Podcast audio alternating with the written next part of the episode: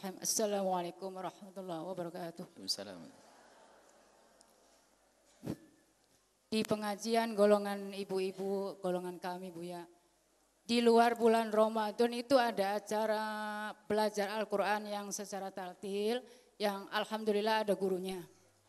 Tapi di saat bulan Ramadan, kurang lebih tanggal 15 Ramadan kemarin, ibu-ibu itu berkumpul kembali terus diberi tugas ngaji satu orang satu juz.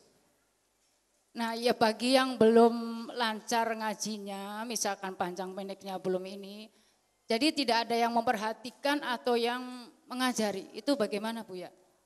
Apakah program ini dilanjutkan atau enggak boleh? Soalnya apakah di dalam program itu ada dosa karena guru ngajinya tuh enggak memberitahu karena ngaji sendiri-sendiri secara bersamaan. Itu saja Bu ya. Assalamualaikum warahmatullahi wabarakatuh. Ibu yang bertanya tentang apa tadi? Membaca Al-Quran ibu, membaca Al-Quran harus belajar. Kalau tidak belajar Al-Quran dosa. Tapi di saat belajar, kalau ada salah dimaafkan. Lah kalau nanti orang belajar baru boleh membaca Al-Quran kalau sudah bacaannya seperti Ustadz Muammar. Enggak baca-baca ibu.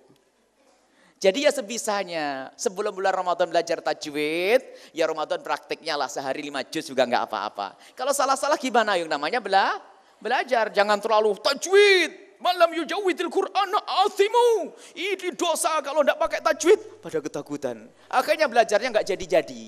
Nggak ada bimbingannya kan sudah dibimbing sama gurunya beberapa bulan sebelum Ramadan. Ramadan disebut kalau Nabi Muhammad ada orang baca Al-Quran Al-Mahir bil Quran ma'al kiramil bararati. Orang hebat ustadz-ustadz yang pandai baca Al-Quran dengan malaikat-malaikat dimuliakan. Tapi yang ya tak orang yang baca Al-Quran repot, Salah-salah, tapi bukan sengaja salah. Yang berat itu bu, dua pahala. Dapat dua apa? Pahala. Pahala yang baca Al-Quran utuh. Yang kedua adalah capeknya dia juga dapat paha, pahala. Jangan terlalu kenceng-kenceng. Nanti ini, ini Ustadz Tajwid suka ngerusak ini. Ustadz Tajwid tuh lihat, ibu-ibu pada ketakutan baca karena ibu baca Quran yang benar bikin telinga gatel. Lah memang ibunya baru belajar, wong wong dia baca ikro setelah pensiun. Ibu, ibu-ibu saya kami cintai, saya paling senang dengan ibu pensiun. Sudah pensiun masih sadar, alhamdulillah. Ini lumayan, alhamdulillah. Ada orang mau mati nggak mau baca Al-Quran. Ibu, ya ini, ini ada. Ya maklum lah kalau sudah ludahnya lidah sepuh, nggak ketemu-ketemu matnya, hilang terus. Ini wajar biasa. Ibu jangan kenceng-kenceng kasihan orang awam. Sudahlah tidak membaca setiap hari satu jus, dua jus. Kalau salah-salah gimana? Asal tidak sengaja.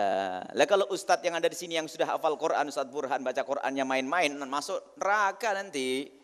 Tapi kalau ibu-ibu yang baru belajar, tak taja sesaat um, berengengengnya nggak ada. Gunahnya hilang, ini ah iya. orang baru baca, baru belajar ikro.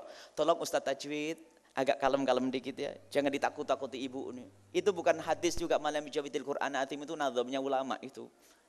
Kalau bagi orang yang ini hadis Nabi ya tak tak tak. Orang memang belum bisa baca Al-Quran ya bisanya. Bahkan saking malunya baca di hati. Lumayan dapat pahala, nggak apa-apa. Karena apa? Ustaz Tajwidnya suka marah-marah. Sehingga ibadah baca Al-Qurannya dengan hati dan mata, lidahnya nggak dapat. Padahal baca Al-Quran itu dengan matanya dapat pahala, hatinya dapat pahala, lidahnya dapat pahala. Jelas Ustaz Tajwid? Mana Ustaz tajwidnya ini? Jangan diseksa orang awam dengan hal-hal yang berat begitu.